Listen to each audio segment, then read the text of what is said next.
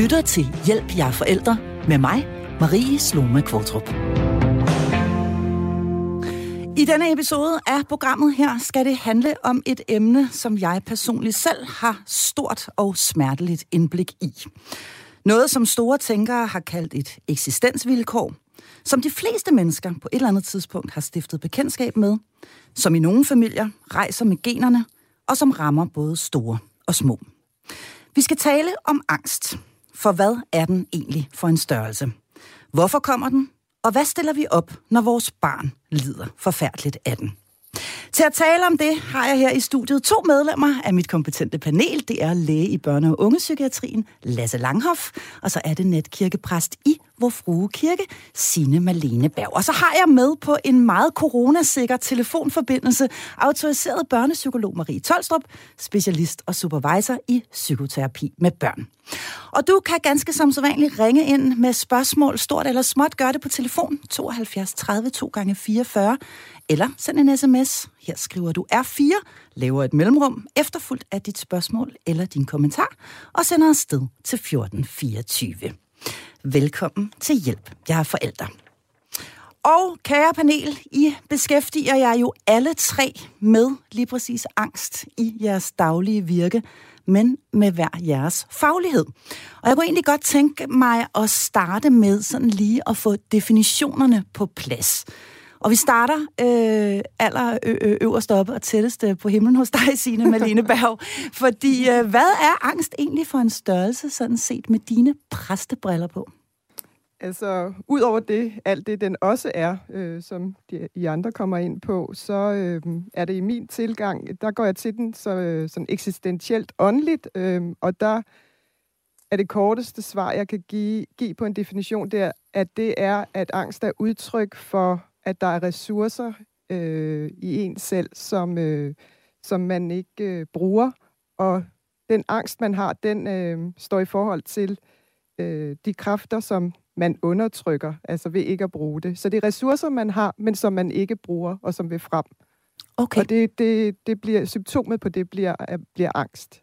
Okay. Øh, og det kan jo både være individuelt, øh, øh, hvorfor at, hvad det er for nogle ressourcer, man har i sig, altså som, som individ, man ikke øh, bruger, og det kan være kulturelt, at der er et eller andet i kulturen, øh, kulturen ikke vil acceptere. Øh, og det er sådan når vi sådan taler specifikt om børn, så vil jeg jo se på, hvad er det hos børn? Hvor, hvorfor er de så angste, som de er i dag? Øh, så vil jeg mere, mere end sådan at se på dem individuelt, så vil jeg nok kigge på kulturen og sige, er der et eller andet i kulturen, som kulturen ikke vil have ved børn? Så den ressource, som man ikke øh, må udtrykke, mm. det er mhm. måske det at få lov til at være barn. Og det er mm. det, der, det, er det, børnene reagerer på ved at, ved at blive angst. Ikke? At de må ikke få lov til at være børn.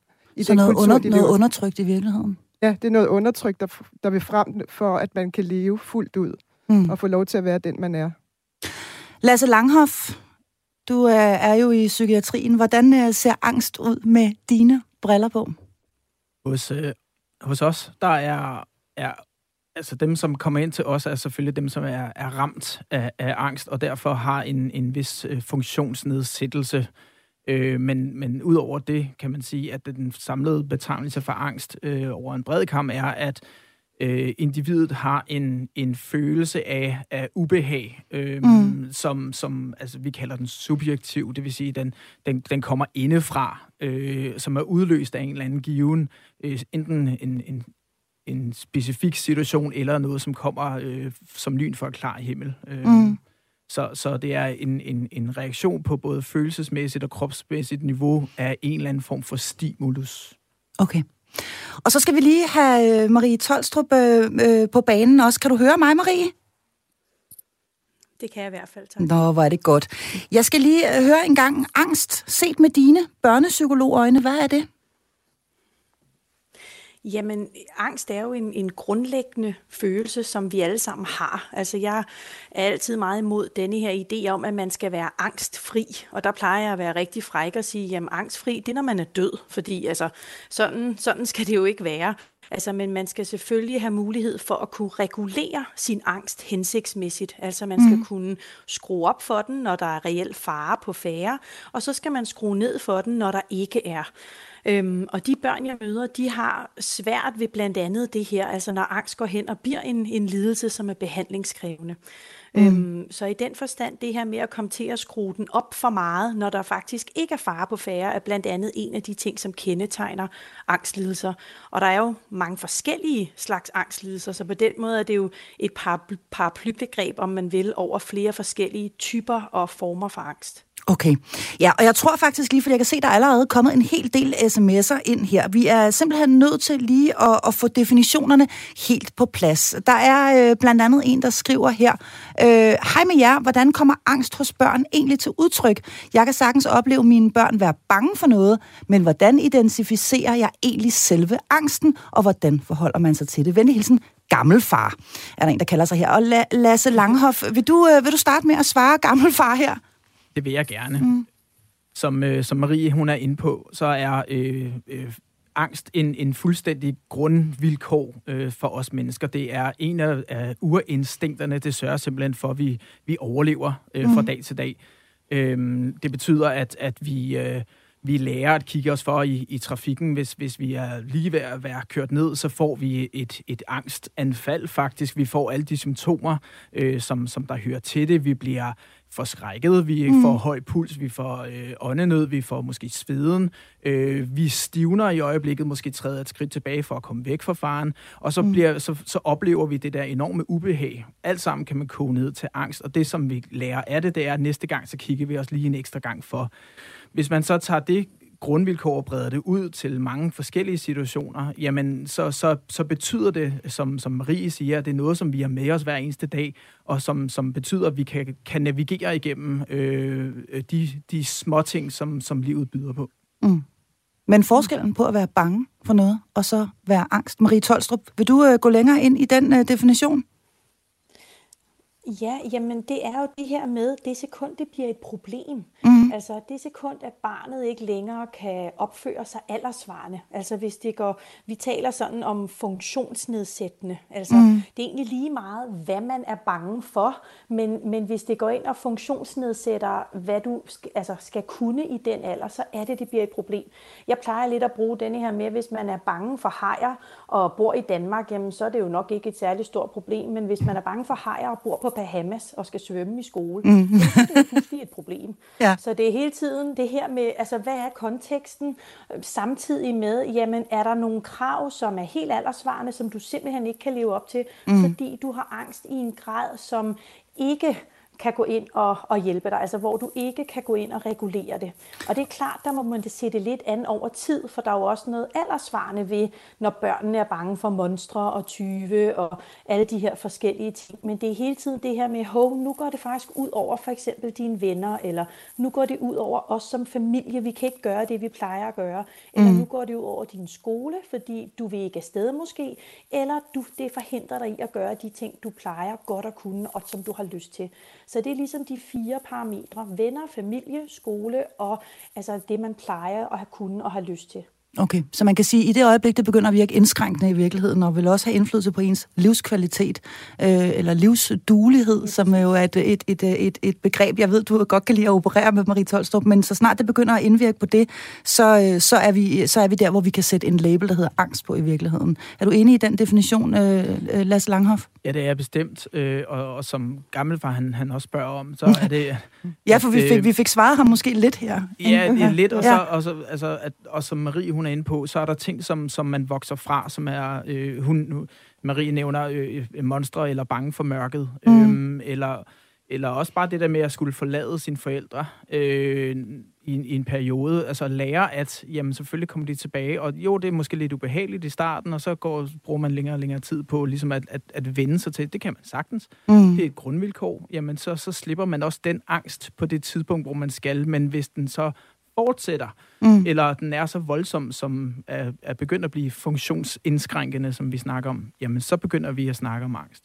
Og lige præcis, ja, hvad siger du, Signe Malene Berg? Det var også bare det der med, med angst som uh, grundvilkår. Øh, altså, øh, jeg er også, jeg er selv, øh, altså jeg, jeg lever med angst, og har altid, lige fra jeg kan huske, øh, levet med angst. Øh, og der var det sådan, altså, det bliver jo, det bliver jo sådan øh, ekstra meget sådan i overgang i ens liv. Øh, og, og, og man kan måske sige, at angst, øh, som i overgang fra barn til teenager, øh, der, der er i hvert fald nogen, der har sagt, at det, det kan man beskrive som, at det er en eftervirkning af det chok, øh, det er overhovedet at komme ind i denne her verden. Ikke? Ja, altså kom, ja.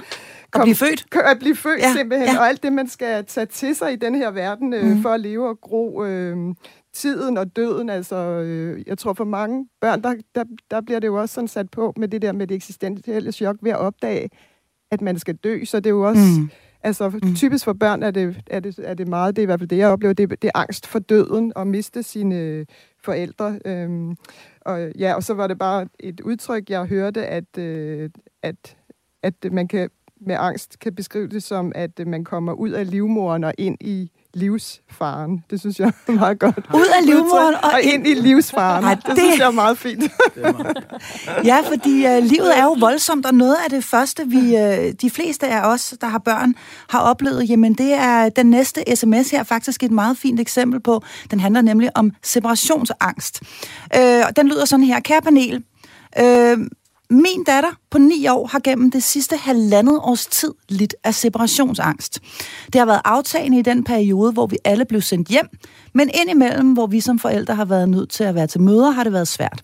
Nu hvor epidemien for alvor raser, er det blevet sværere. Selv hvis vi sidder i møder online, skal hun kunne høre os eller sidde hos sin storebror. Hendes angst er skiftende, men når den er værst, er hun nærmest panisk. Og så er det ikke kun adskillelsen fra os, men også fremtiden, hun er bange for. Klima, corona og døden i al almindelighed rammer hende. I de sidste 14 dage, hvor storebror har været hjemsendt, har vi også været nødsaget til at holde hende hjemme, for at gå i skole uden ham er helt utænkeligt. Storebror er så god, at han holder øje med hende i skolen og altid er klar med et kram. Nu hen over julen er vi alle hjemme, og der er mere ro på øh, tænkte vi på, om der var nogle øvelser eller lignende, vi kunne træne med hende. Storebror starter i 9. efter sommerferien, og vi vil gerne give ham muligheden for at nyde det sidste år, inden han skal på efterskole. En beslutning, som allerede nu slår hende ud bare ved tanken. Er det en fase, og hvordan hjælper vi hende bedst? Kærlig hilsen Pelle og Mona. Der er en lang sms her fra Pelle og Mona, som altså står med en, en lille datter på 9 år, som har det rigtig svært. Marie Tolstrup, vil du, vil du starte med at svare Pelle og Mona? Ja, jeg vil jo starte med at sige, at på den korte beskrivelse lyder det fuldstændig som de børn, også på ni år, som jeg møder inde i min privatpraksis. Øhm, okay. Jeg vil helt klart sige, at halvandet år i forhold til det, som moren her beskriver som separationsangst, det vil jeg mm. sige er for længe at gå og have det sådan.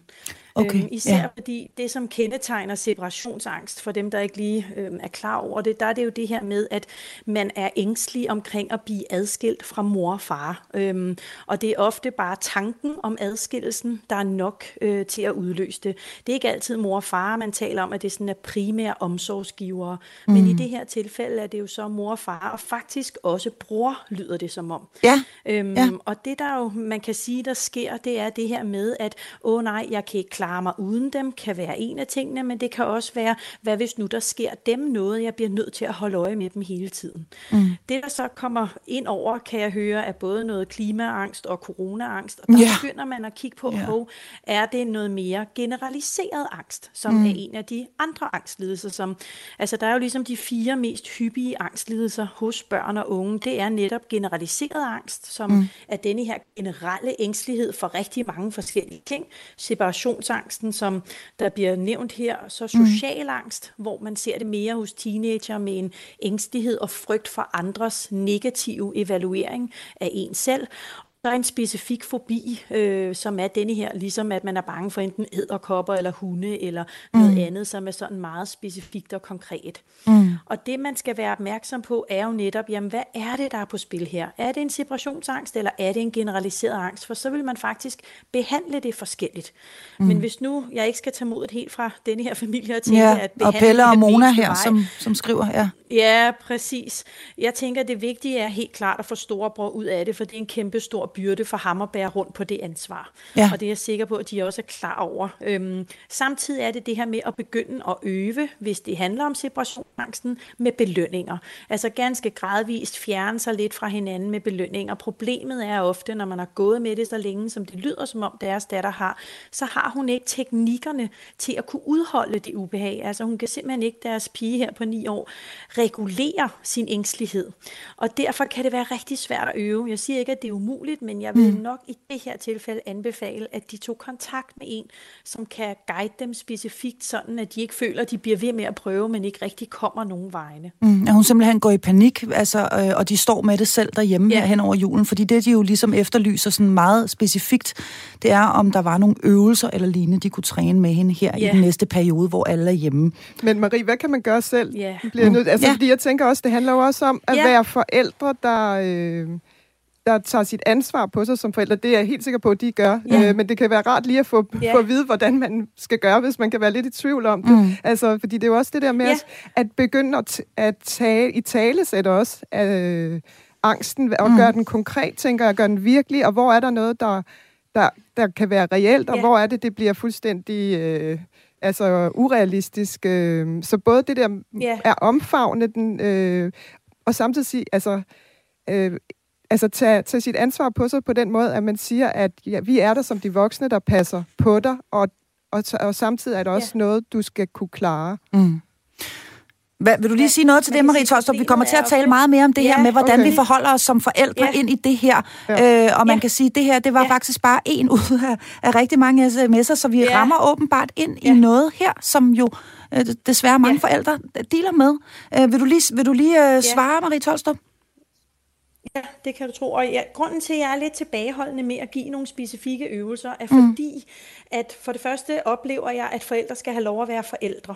Og det betyder ikke, at man ikke skal tage sit ansvar på sig, men når det her har stået på i halvandet år, og det kun er blevet værre under nedlukningen, så vil jeg sige, at så er det nu, man skal have fat i en professionel, som kan skræddersy og målrette et forløb. Mm. For ellers, hvis det er en mildere grad, end mm. hvad der blev beskrevet her, så er det at øve tingene skridt for skridt, fordi angst, når vi taler om angstlidelser, så er de ikke rationelle. Fordi vi går alle sammen rundt lige nu, for eksempel, og har en bevidsthed omkring corona. Mm. Men det betyder ikke, at vi alle sammen får en coronaangst. Vi er også alle sammen opmærksom på, at klimaet nok ikke helt er, hvad det burde være, men det betyder ikke, at vi alle sammen får klimaangst. Så når man taler om en angstlidelse, så er det altså noget hen et sted, hvor man ikke kan rationalisere sig ud af det. Mm. Det, som rigtig mange forældre forsøger, er at tale det igennem, og er at tale det sådan til fornuft, og det virker ofte på kort sigt. Mm. Altså det her, vi taler om, at det er lidt ligesom at tisse i bukserne, så får man det talt igennem, og det virker, men, men senere hen bliver det rigtig uhensigtsmæssigt, for så skal man hele tiden tale alt igennem. Mm. Så når barnet er ni år gammel, og ikke selv har teknikker, så er det altså, jeg vil sige, at man kan, altså der er mange ting, man kan gøre. Man kan altid ringe til Angstforeningen, har for eksempel en gratis telefonlinje, hvor man også kan få råd, men i det her specifikke eksempel, som forældrene her giver, der vil mm. jeg sige, at jeg vil ringe til en, en, en børnepsykolog, der har speciale i det. Okay. Nå, men altså, det, det her med, med, med angsten, jeg skal nok vende tilbage og tage nogle flere øh, sms'er øh, øh løbende. Tak i øvrigt til jer øh, alle sammen, der, der skriver ind og bliver endelig ved. Du øh, skriver R4 og laver et mellemrum, mellemrum efterfuldt af dit øh, spørgsmål og sender afsted til 1424. Men jeg kunne godt tænke mig øh, lige at tale en lille smule omkring øh, selve begrebet angst, fordi hvorfor, øh, hvorfor opstår det overhovedet? Altså, hvorfor, øh, hvad, er, er der noget, og nu kigger jeg over på dig, Lasse, fordi øh, nogle gange kan, kan det jo komme ud af det blå, og det kan også være umuligt at definere, hvad det er, man er bange for. Altså, der er simpelthen ikke et objekt eller noget. Det er ikke corona, eller det er ikke øh, øh, farlige øh, dyr, eller et eller andet. Man har bare følelsen af undtagelsestilstand i kroppen, og en, en krop, der bare på alle mulige måder har det super ubehageligt. Fordi angst er også en fysisk ting. Det er der mange, der ikke er klar over, men, men angst er jo i høj grad en, øh, en, øh, en fysisk ting. Øhm, hvordan kan det være, at det her kan opstå nærmest ud af det blå? Det er fordi, at vi som biologiske væsener øh, har en, en, en indbygget overlevelsesmekanisme. Øh, I det her tilfælde, så øh, nu bliver det lidt, lidt teknisk, men det er noget, der hedder amygdala. Ja, amygdala, ja. Øh, som, som er vores øh, alarmknap, mm. øh, hvis man virkelig skal skære ind til benet. Mm. Og den er øh, indstillet sådan, at den skal reagere på fare. Øh, og, og det er den hele vejen tilbage fra, fra øh, 10, 20, 40.000 år siden, mm. hvor den var sindssygt relevant for, for artens overlevelse, at man ikke skulle blive spist af en sabeltiger, eller man ikke skulle øh, lade sig stikke af en æderkop og sådan nogle ting. Og så, ja. så det vil sige, der kommer de, de ret mere specifikke øh, øh, fobier ind, øh, og en fobi er jo en decideret frygt for noget specifikt. Mm. Nu spørger du så om, om den mere generaliserede, altså men, men bottom line er, at det er et forsvarsmekanisme, som vi er født med. Mm. Og i de her tider, hvor at, at man kan sige, jamen der er ingen sabeltiger, eller på vores breddegrader nogle farlige æderkopper, så har vi stadigvæk forsvarssystemet, fordi at øh, 40.000 år er ikke særlig lang tid evolutionært til, at vi kan nedregulere den. Så vores, vores hjerne er stadigvæk indstillet på at skulle opsøge far, hele tiden være på lur over for far. Mm. Nogle, nogle gange, hvis man har en indbygget sårbarhed, eller, eller får måske øh, opbygget en sårbarhed gennem sin opvækst, kan den alarmknap blive øh, fejljusteret, så at man ikke kan regulere selv, og man begynder at ud, altså reagere uhensigtsmæssigt på for lille en far. Okay, så en knap, der er i stykker. Nu kigger jeg over på dig, Signe Malene Berg, fordi uh, nu er det vi ude i en amygdala-knap, uh, en uh, uh, mange, mange, mange tusind år gammel knap, som har været utrolig hensigtsmæssig, men som uh, man egentlig ikke har så meget brug for mere, fordi de her sabeltiger, de er sgu ikke, de er ikke lige i, i, i omegnen længere. Uh, ja. Hvorfor, hvorfor uh, tror du, at mennesket har denne her uh, tendens til at føle angst? Altså, Øhm, ja, altså, ja, jeg, øh, jeg, jeg tænker jo, den, at der også er en åndelig dimension i det.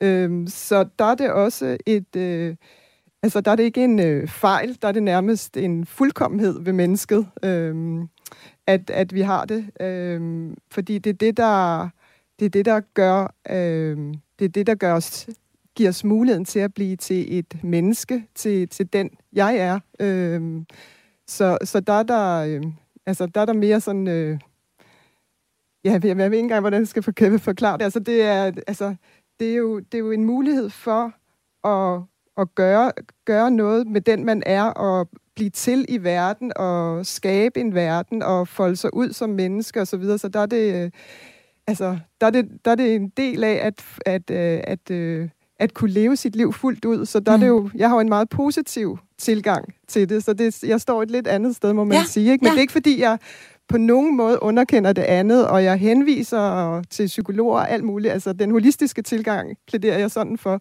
og, og, og man har forskellige veje. Øh, så, men, men det er mere sådan...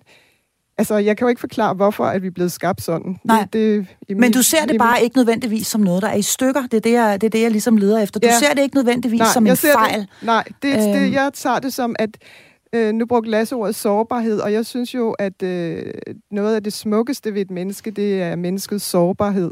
Det er også det, det der op, det er det, der gør os i stand til at glædes, til at føle sorg, til at elske, øh, til vrede, øh, til, til at, at ville hinanden og fællesskab og samhørighed. Alt det, der er det smukkeste mm. ved, ved mennesket. Så hvis man fjerner den, så fjerner man vores menneskelighed.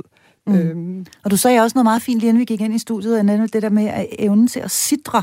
Altså, ja. altså at livet kan blive sidrende, og den sidrende fornemmelse, man kan have i øh, kroppen, som ja. øh, øh at uha, her er der noget, der er, er farligt. Ja. Øh, farligt øh, kan jo også øh, være forbundet med noget, der er spændende, øh, noget, der er uopdaget terræn, og noget, der måske ligefrem er, er, er dejligt. Så man kan sige, der er jo også en, en, en, en, en, en i hvert fald en gråzone her fylder vi... mening. Altså, jeg, når folk kommer og, og er angste, så bliver jeg altid sådan lidt nysgerrig. Mm. Altså, det er min tilgang. Sådan, hvad er det, der gemmer sig der? Hvad er det, altså som sagt før, det der med, at der er no, nogle ressourcer, nogle kræfter, der er så stærke i dig, mm. øh, som vil ud, øh, som du ikke bruger. Hvad kan det dog være? Mm. Øhm, og det er også sådan, jeg ser det på, når jeg selv har perioder med større angst, at, at det, der er muligheder i det. Ikke? Samtidig med, at det også kan være enormt lammende, og man må bruge alt, hvad der er hjælpemidler til at kunne agere og være til i verden. Mm. Øhm.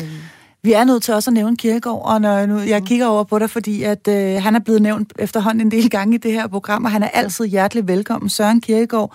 Øhm, han mener jo, at angst er et, et grundvilkår for ja. os mennesker i virkeligheden. Ja. Er, er, du, er, du, øh, er du tilbøjelig til at være enig med ham? Øh, ja, altså det er jeg, men det er mm. bare ikke ens betydende med, at man så bare skal lade stå til. Mm. Altså, at det bare kommer af sig selv. Altså, der er også brug for hjælp, og det er også det, at der er også brug for, at vi er voksne øh, over for børn med angst. At vi hjælper dem, altså, vi er, og, og den voksne går ud på at sige, vi er der, og vi passer på dig, mm. og hvad er det så, det, der gemmer sig her? Og skal mm. vi lige prøve at gå et lille stykke på vejen, og prøve at se, om du kan, kan det her, øh, mm. så man ikke bliver bliver fuldstændig lammet i den der angst, men at det får en til at bevæge sig et nyt sted hen. Øh, mm. Øh, men det, det, kræver, det kræver jo noget af dig selv som forældre. Så hvis børnene reagerer på en perfektheds øh, præstationskonkurrencekultur, som du som forældre selv ligger under for, så er det jo svært for dem øh, at komme videre også ud af det. Altså, mm. der må du selv som den voksne hjælpe børn, hjælpe både dig selv og børnene til at, at gå imod den øh, perfekthedspræstationskultur, øh, ikke? Mm. Øh, og prøve at komme ned til jorden. Og I stedet for at sige til børnene, I skal gå efter stjernerne, så være lidt som klodshands og bruge det, der er øh, her og nu, øh, være på jorden, ikke, så at mm. sige. Få det ned på jorden. Få det ned på jorden. Vi skal tale meget mere om, hvordan man takler, hvordan man bedst takler, øh, når ens øh, barn har angst. Det taler vi igen om lige om lidt. Du lytter til Hjælp, jeg er forældre. Ja, og nu har vi forsøgt at definere angsten, og nu er vi altså klar til at tale om, hvad pokker vi stiller op med den, når den rammer vores børn. Du er stadig velkommen til at ringe ind til os på 72 30 2 gange 44 eller sende en sms, og her der skriver du R4, laver et mellemrum efterfulgt af dit spørgsmål og sender afsted til 1424. Og jeg kunne egentlig godt øh, tænke mig at spørge jer alle tre. Er der, øh, er der flere børn og unge, der får angst i øjeblikket, eller der ellers er? Hvad oplever du, Marie Tolstrup? Jamen, jeg vil sige, at for eksempel, altså, nu er der jo mange forskellige angstlidelser, og OCD er jo også en angstlidelse. Mm. PT, det er noget, der ændrer sig, som der kommer en ny diagnosemanual. Øhm, men lige nu vil jeg sige, at de klienter, øh, som jeg har tilknyttet, der har jeg helt klart set en forværing af deres symptomer. Øhm, især her nu faktisk allerede under den her anden nedlukning, som ikke har varet særlig længe. Øhm, vi kan også se allerede tilbage fra for eksempel, da vi lukkede ned for første gang i, i marts måned, at der har der været flere børn, som for eksempel har fået øh, OCD-symptomer, altså i forhold til at vaske hænder og være overopmærksom i forhold til bakterier mm. og andet. Øhm, og det man ser sådan generelt hen over årene, at det er jo det her med, at der sidder i gennemsnit to børn i hver klasse, som egentlig opfylder kriterierne for at kunne, hvad kan man sige, få, øh, få behov for angstbehandling. Altså man siger sådan groft sagt, mellem 5 til 10 procent af børn lider af, af angst i en grad, så det faktisk forstyrrer deres udvikling. Øhm, 5 til 10 procent? Det er jo altid ja. lidt den der med... Det var mange. Ja, og det er jo altid det her med, jamen og det er det, men vi er også blevet meget bedre til at, at spotte det, og vi er blevet også rigtig gode til faktisk at behandle det, og det er også en af de grunde til, at jeg svarede den familie, som skrev ind, som jeg gjorde, er fordi jeg ved, hvor nemt det er at behandle. Mm. Vi taler ikke om flere år, hvor man skal gå til behandling i gang om ugen. Det er faktisk noget, hvor at man relativt hurtigt og nemt kan behandle en, en angstlidelse med den rigtige indsats. Fantastisk, og det er jo altså gode nyheder. Det skal vi tale meget mere om om et øjeblik, hvad der er af, af behandlingsmuligheder.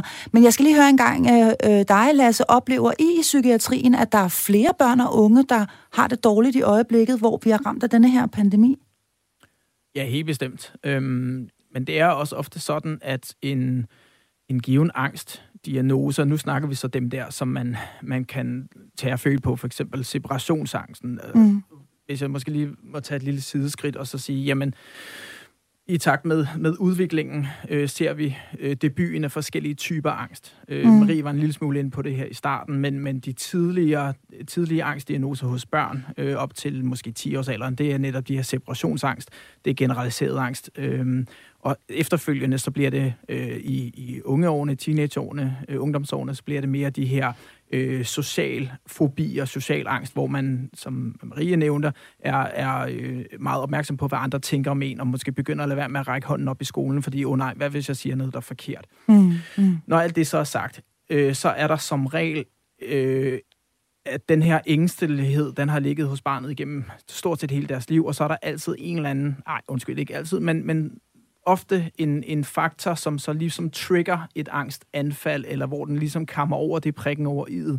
Og mm. det, det kunne så være en given situation som corona, eller frygten for, øhm, for, øhm, for 3. verdenskrig, eller Trumps atombomber, eller, eller klimaerne. Mm. Så, så det er ligesom den, som, som triggeren, og så kommer ofte til at være udslagsgivende for, hvad det er, angsten øh, dækker over. Okay. Så, så, så jeg vil altså mere kort sige, ja, vi ser det, fordi at der er så meget bevågenhed, sådan en mediemæssigt og samfundsmæssigt på det. Mm. Hvad med dig, Signe Malene Berg, som jo er natkirkepræst i Vor Frue Kirke? Oplever du, at der er flere øh, mennesker, bare generelt, lad os sige det sådan, som, som, som, som får det dårligt, eller som bliver angste i øjeblikket, end der ellers er? Altså, både og, fordi der er også dem, jeg kender, der øh, øh, er angste, og som her under coronaen får det fint fordi at nu er der sådan en... Øh, det, det, den ydre virkelighed svarer med den indre virkelighed, så det går i nul på en eller anden måde. Ikke? Øh, så nu kan de lige pludselig være til, fordi alle andre også går rundt og har angste. øh, ja, måske, interessant. Ja, ja. Altså, og så er der selvfølgelig også øh, altså, klart øh, større frygt og, og nervøsitet og usikkerhed over, at, at hvad, hvad skal der ske, og så videre. Mm. Øh, men jeg vil ikke sige med... Altså, jeg, jeg husker sådan i min barndom, at der var det, der, der var det næsten sådan... Altså, det, det, der var det normalt, at man som en del af at gå fra barn til teenager, at man, at man kunne blive bange for nogle ting og gøre nogle ting. Og, og det snakkede man ikke så meget mere om. Altså, man talte, og man nævnte det, men det var ikke noget, man sådan gik ind i, hvor der oplever jeg mere sådan, at forældre kan komme med deres børn mm. øh, og, og netop ville gøre noget mere ved det, ikke? Altså, mm. at det bliver et problem på, på en anden måde i dag. Så der, det, det er nok det, du siger, Lasse, ikke? at der er en større opmærksomhed på det i dag. Ja, og der er, men der er vel også en, en, en ro, som, øh, tænker jeg, for nogen kan være gavnlig. Altså det, det her med, at vi lukker altså... os lidt mere om os selv, og søger mere hjem, og også er mere sammen med hinanden i, øh, i familien. Altså jeg har, jeg har adskillige, som øh, har det så fint her, altså hvor... Ja, hvor, hvor det faktisk er en ja, god periode. Ja. ja. Jeg vil lige sige, at der er kommet rigtig mange sms'er. Jeg har altså lyst til lige at smide en, øh, en enkelt en mere øh, på banen øh, her. Øhm, og den er meget relevant, når vi taler vores eget forældreskab. Den lyder sådan her. Hvor stor en del af vores børns angst eller deres fobier skyldes egentlig de voksnes adfærd. Min ældste søn elskede som lille at pille ved insekter, og nu hvor han er prætin, skriger han, når der er æderkopper på værelset? Spørgsmålstegn. Altså, projicerer vi selv angst og fobier over på vores børn. Kærlig hilsen, Jakob. Øh, har du lyst til at øh, svare Jakob, Lasse? Øh, ja, det, det har en kæmpe indflydelse. Selvfølgelig mm. har det det. Mm. Øh, jeg kan huske, at øh, min mor på et tidspunkt, hvor jeg blevet lidt ældre, fortalte, at, øh, at hendes angst for øh, jeg kan ikke engang nærmest huske, hvad det er nu, fordi at, at den har ikke fyldt noget, og det er ligesom pointen, men hende, jeg tror, der var edderkopper. Ja. Hun er øh, nærmest øh, fobisk angst for det, men det fandt jeg først ud af relativt sent, fordi hun ville ikke have, at jeg skulle arve øh, hendes fobi. Ah, okay. Hun var bange for at overføre den til dig, eller smitte dig med fobien?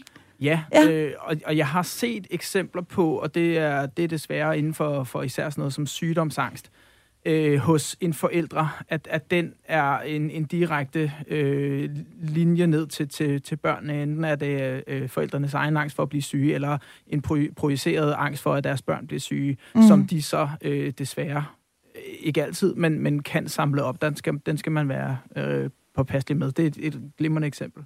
Som Rie Tolstrup, angst kan smitte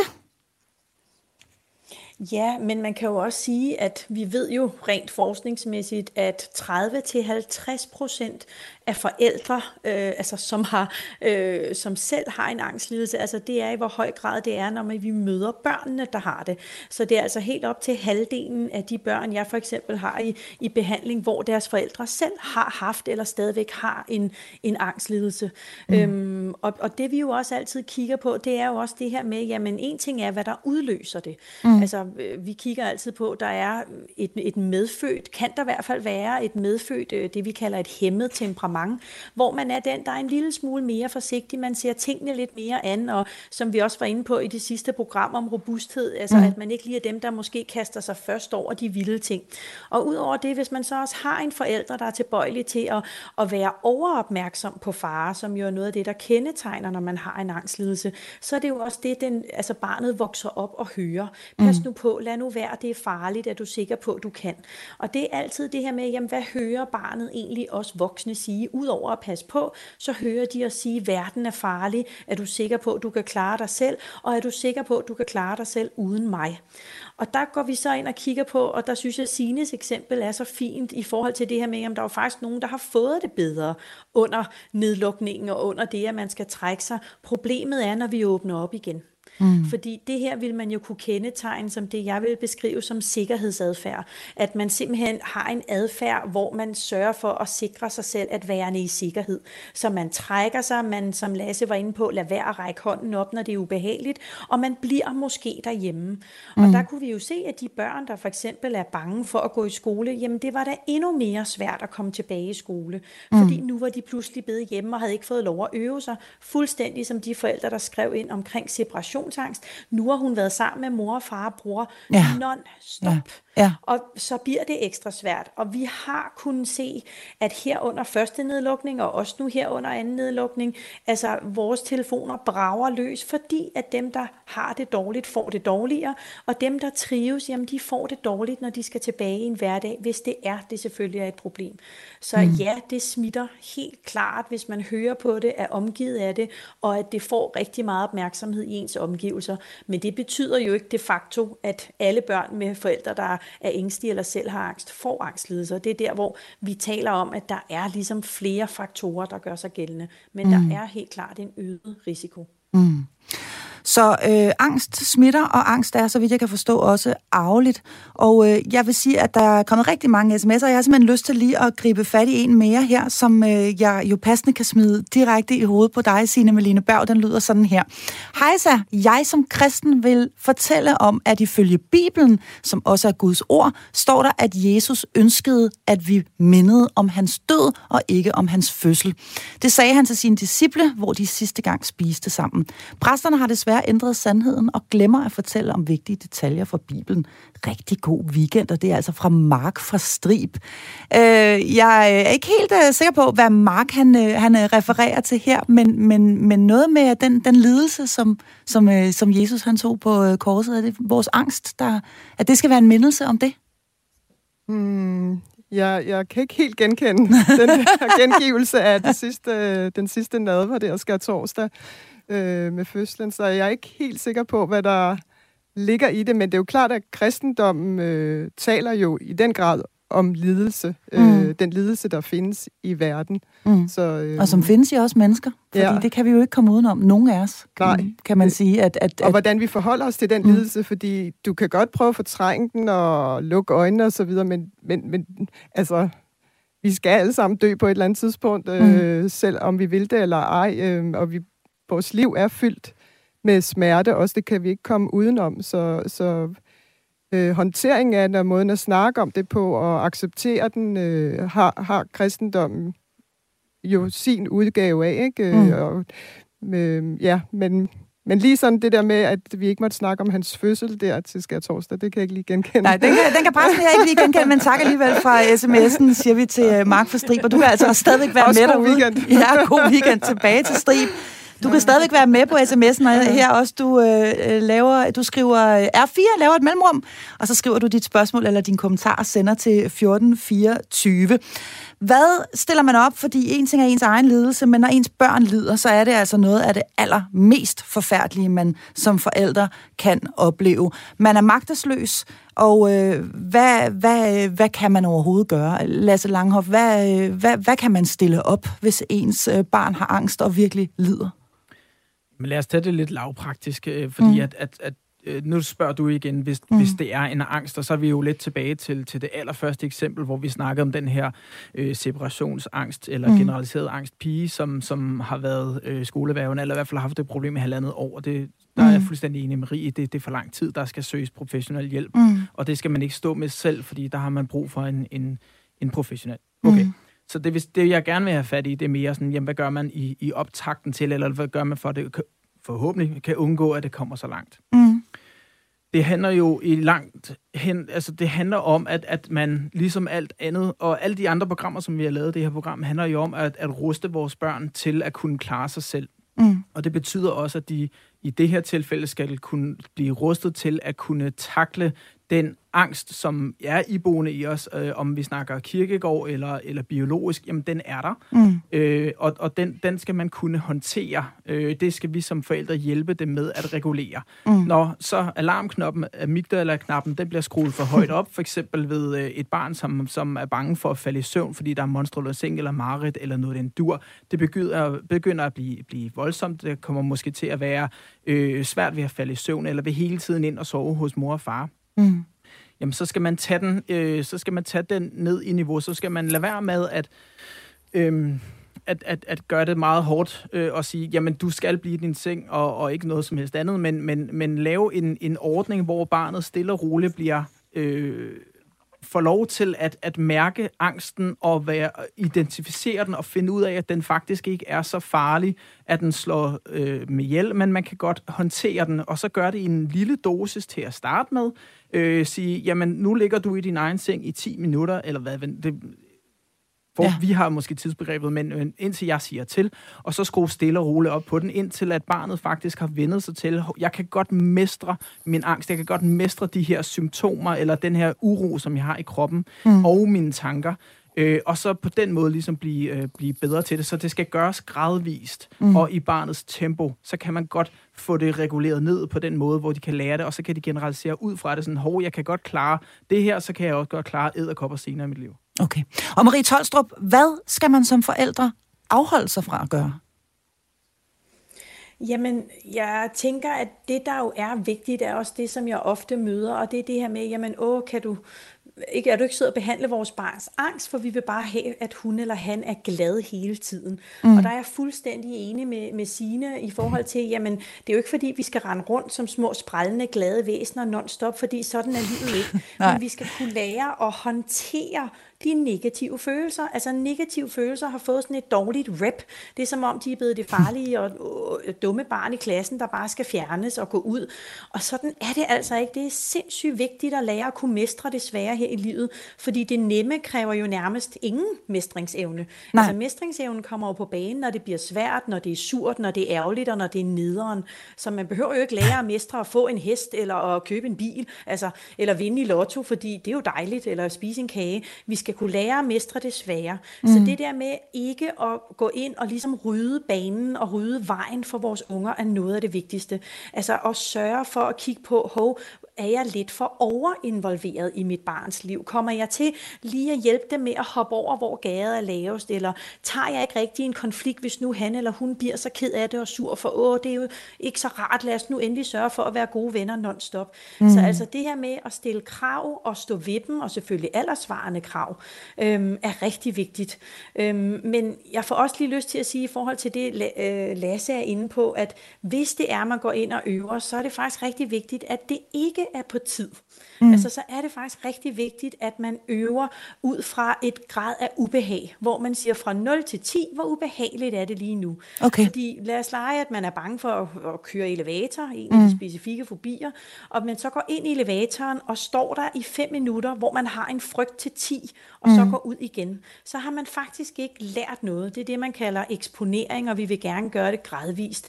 Og det vi vil opnå er habituering, altså tilvænding til noget, der føles ubehageligt. Men den tilvænding sker ikke på tid nødvendigvis. Nej. Den sker nogen, for nogen på et minut, for nogen på fem minutter, men det er hele tiden 0 til 10, hvor er du nu? Jeg er på 6, fint, man afleder, taler om noget andet og venter på barnet nede på en 2-3'er.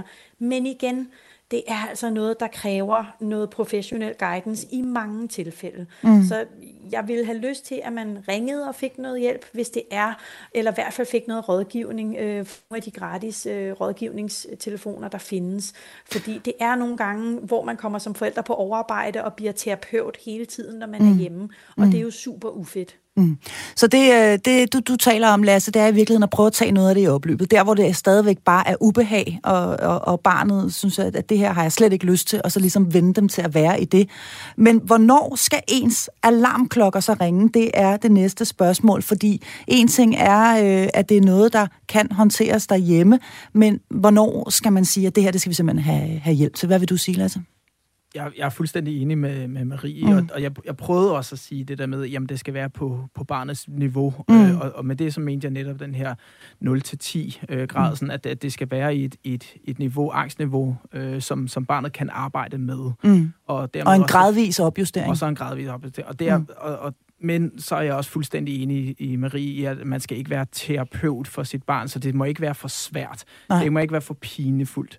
Øh, fordi så er, det, så er det bedre at få en ekstern ind, som kan tage øh, de ting og, og rådgive både barnet og forældrene at være en coach. Mm. Men hvornår skal alarmklokkerne ringe? Altså, hvornår skal man sige, nu, nu skal vi simpelthen have professionel hjælp? Det skal man, når, når, når det fylder for meget. Når, mm. når konflikterne er for høje. Når, når det går ud over søvnet i en grad, så barnet ikke kan stå op til tiden og, og få, få, øh, få skoledagen med. Mm. Øh, når fraværet begynder. Øh, når, når det slider for meget på omgivelserne. Altså igen, vi, vi startede med at snakke om det her funktionsniveau, og det, det, det, det, det er den. Ja. Altså når, når barnet ikke længere kan øh, opretholde det, man vil kalde et øh, normalt liv, eller hvad, Marie Tolstrup? Er du stadig med mig? Ja, Ja, altså når det ikke er aldersvarende, de der fire parametre, som jeg nævnte i starten, når det går ud over enten venner, familie, skole, eller forhindrer barnet i at gøre, hvad det har lyst til, mm. så er det altså der, og jeg vil sige, jo tidligere altså mm. man får hjælp. Jo hurtigere indsats, jo nemmere er det at behandle, og jo nemmere er det lige at rette til. Øhm, og der findes jo behandlingsmetoder, som vi ved fungerer hurtigt, og som vi har god erfaring med, og mm. hvor det altså er rigtig nemt at gå ind og regulere, sådan at man ikke ender ud i skoleværing, eller øh, altså netop øh, angst i en sværhedsgrad, sådan at det virkelig går ind og fylder og påvirker familien i en meget, meget høj grad gennem flere år. Altså vi ved jo, at familier med børn med angst koster faktisk samfundet 21 gange så meget som andre familier.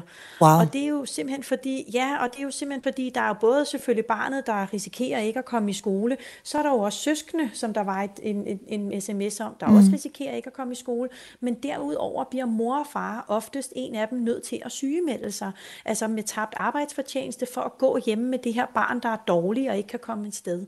Mm. Og så er der jo behandling og alt det, der kommer ud over, så det er altså noget, som virkelig koster rigtig mange penge for samfundet, men allermest selvfølgelig for den familie, som er så nedslidt og påvirket af det. Mm. Du lytter til Hjælp, jeg er forældre.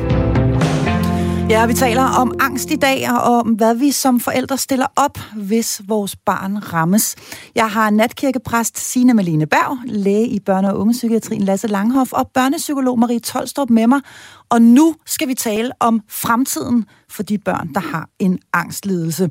Og lad mig lige starte med at sige, øh, eller spørge jer, hvor, øh, hvor skal man bede om hjælp henne? Altså, øh, fordi nu skal, vi, nu skal det være konstruktivt det her. Men hvis nu vi står, øh, forestiller os, at man står i den her situation, og ens barn har det skidt, øh, hvor øh, henvender man sig henne?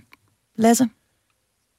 Hvis, øh, hvis man har en, en, en barn i, en, i skolealderen, øh, jamen så er, det den, øh, så er det PPR, den pædagogiske psykologiske rådgivning, som kan gå ind og lave en, en, en, en begyndende øh, undersøgelse, evaluering, hvor, man bliver, hvor der bliver snakket med dels forældrene, dels barnet. Mm. Øh, på den baggrund laver en, en, en skrivelse, som kan, kan sendes til os i børnepsykiatrien, for eksempel. Øhm, det kan være den øh, rådgivning, som, som Marie øh, hen, henviser til på, på telefon. Mm. Øh, det kan være de privat praktiserende psykologer. Det kan være kirken. Mm. Kigger over på dig, Signe. Ja. Mm.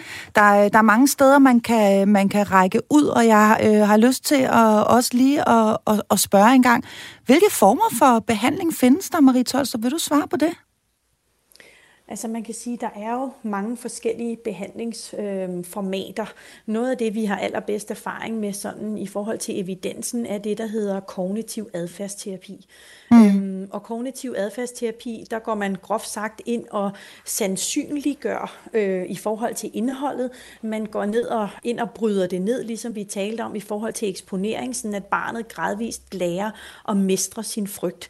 Der har man øh, for eksempel øh, Aarhus øh, Universitet, Universitet har oversat en øh, behandlingsmanual, som bliver kaldt Cool Kids, mm. og hvor at der er rigtig mange kommuner, altså PPR og også familiehuse, som tilbyder øh, gruppeforløb i forhold til Cool Kids. Mm. Det, der er vigtigt, er, for jeg lyst til at sige, at det er certificerede behandlere, fordi det er det, som Aarhus Universitet går ind og, og, og sikrer, at, altså, at dem, der udbyder det nu og bruger det, de skal være certificeret. For der findes også et kæmpe marked i forhold til det her, og det kan være rigtig svært for forældrene at navigere i. Mm. Øhm, og udover altså det klassisk kognitiv adfærdsterapeutiske, så findes der også en nyere terapiform, som hedder metakognitiv terapi. Og den har vist rigtig lovende resultater i forhold til voksne med generaliseret angst, og også til børn i nogle mindre øh, forskningsresultater, som også omhandler øh, generaliseret angst, og hvor jeg i hvert fald i min praksis kan se rigtig god effekt af det, når vi taler om generaliseret angst. Mm. Øhm, det, som også er vigtigt at få lyst til at sige, det er, at man skal sørge for, at når man opsøger hjælp, at man får sit barn vurderet. Altså, at man ikke bare møder op, og 1, 2, 3 bange, så er du med i en gruppe, fordi du har nok angst. Men at man har nogle professionelle, der kigger på, et, er det en angstlidelse, og to, i så fald, hvilken angstlidelse er det? Mm. Og også, at man som forældre har mulighed for at blive inddraget, fordi der er jo selvfølgelig rigtig mange ting, hvor man som forældre bliver nødt til at få lov lov til at få svar på nogle ting, og også få lov til at, at regulere sin egen adfærd og sine egne følelser i forhold til det, øhm, sådan at man kommer hele vejen rundt. Øhm, netop det, som Sine var inde på i starten, også om, at man ikke kun kigger på individet som barnet, men også på det miljø, som, som barnet øh, er i. Så jeg vil sige, PPR udbyder, familiehusene gør, man kan gå til øh, privatpraktiserende, som jeg selv, og man kan også i visse tilfælde øh, blive henvist til psykiatrien. Der er min erfaring dog, man skal have det rigtig dårligt, og at det som udgangspunkt ikke er det, man kalder en primær angstlidelse. Det vil mm. ofte være for en OCD øh, eller en PTSD-lidelse, eller det vi kalder agorafobi, altså de mere, hvad kan man sige, angstlidelser, hvor at man har større nedsat funktionsevne, fordi det er jo også der psykiatriens øh, ekspertise ligger. Mm. Øhm, og der må du rette mig, Lasse, i forhold til, hvis, hvis du tænker anderledes. Øhm, altså, jeg, jeg er delvis enig. Øh, det er men faktisk det første, der slår mig, det er, at vi skal også huske på, at angst ligger som det, vi kalder en komorbiditet, det vil sige en øh, sammen med andre lidelser, øh, og depression er den mest øh, nærliggende, øh, men også øh, OCD, som, som Rie har været øh, inde på. Øh, og fælles for dem er, at, at vi kalder dem mere eller mindre i hvert fald periodiske. Øh, og det vil sige, at de, de kan nemlig også med, med god behandling faktisk øh, blive øh, reduceret eller behandlet. Okay. Øh, men, men vi ser mange angst, øh, enten alene eller sammen med andre. Okay.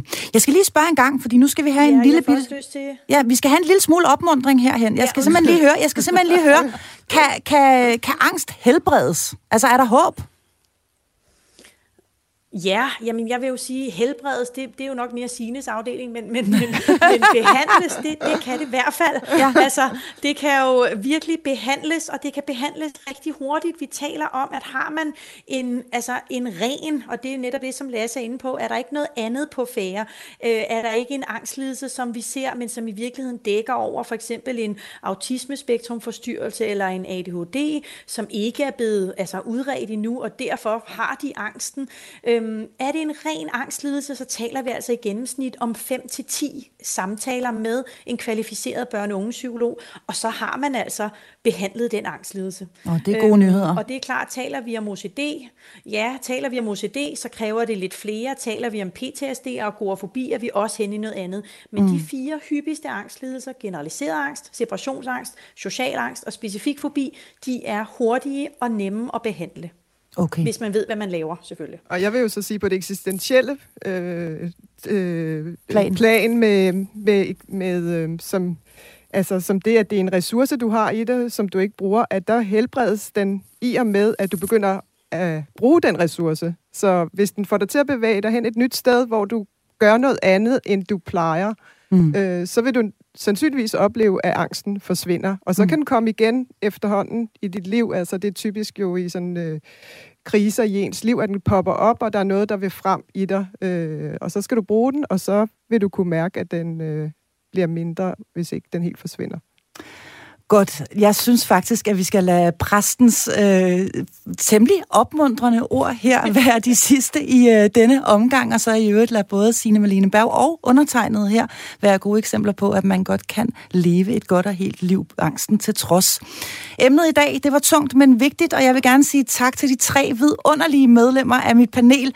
Børnepsykolog Marie Tolstrup, natkirkepræst Signe Malene Berg, og så var det læge i børne- og ungepsykiatrien Lasse Langhoff. Jeg vil også gerne sige tak for sms'er undervejs i programmet, og så vil jeg da lige benytte lejligheden til at ønske dig, kære lytter, en rigtig glædelig jul. Mit navn er Marie Sloma Kvartrup, og jeg er tilbage med en særudgave første juledag, hvor du kan høre direktøren i Børns Vilkår, Rasmus Keldahl, fortælle om sin nyligt udkommende bog, Verdens bedste barndom. Og mangler du i øvrigt guf til øregangene her i nedlukningstid og juledage, ja, så ligger alle episoder af programmet her tilgængelige som podcasts på Radio 4's hjemmeside. Tilbage er der kun at sige mange tak, fordi du lyttede med her til Hjælp. Jeg er forælder.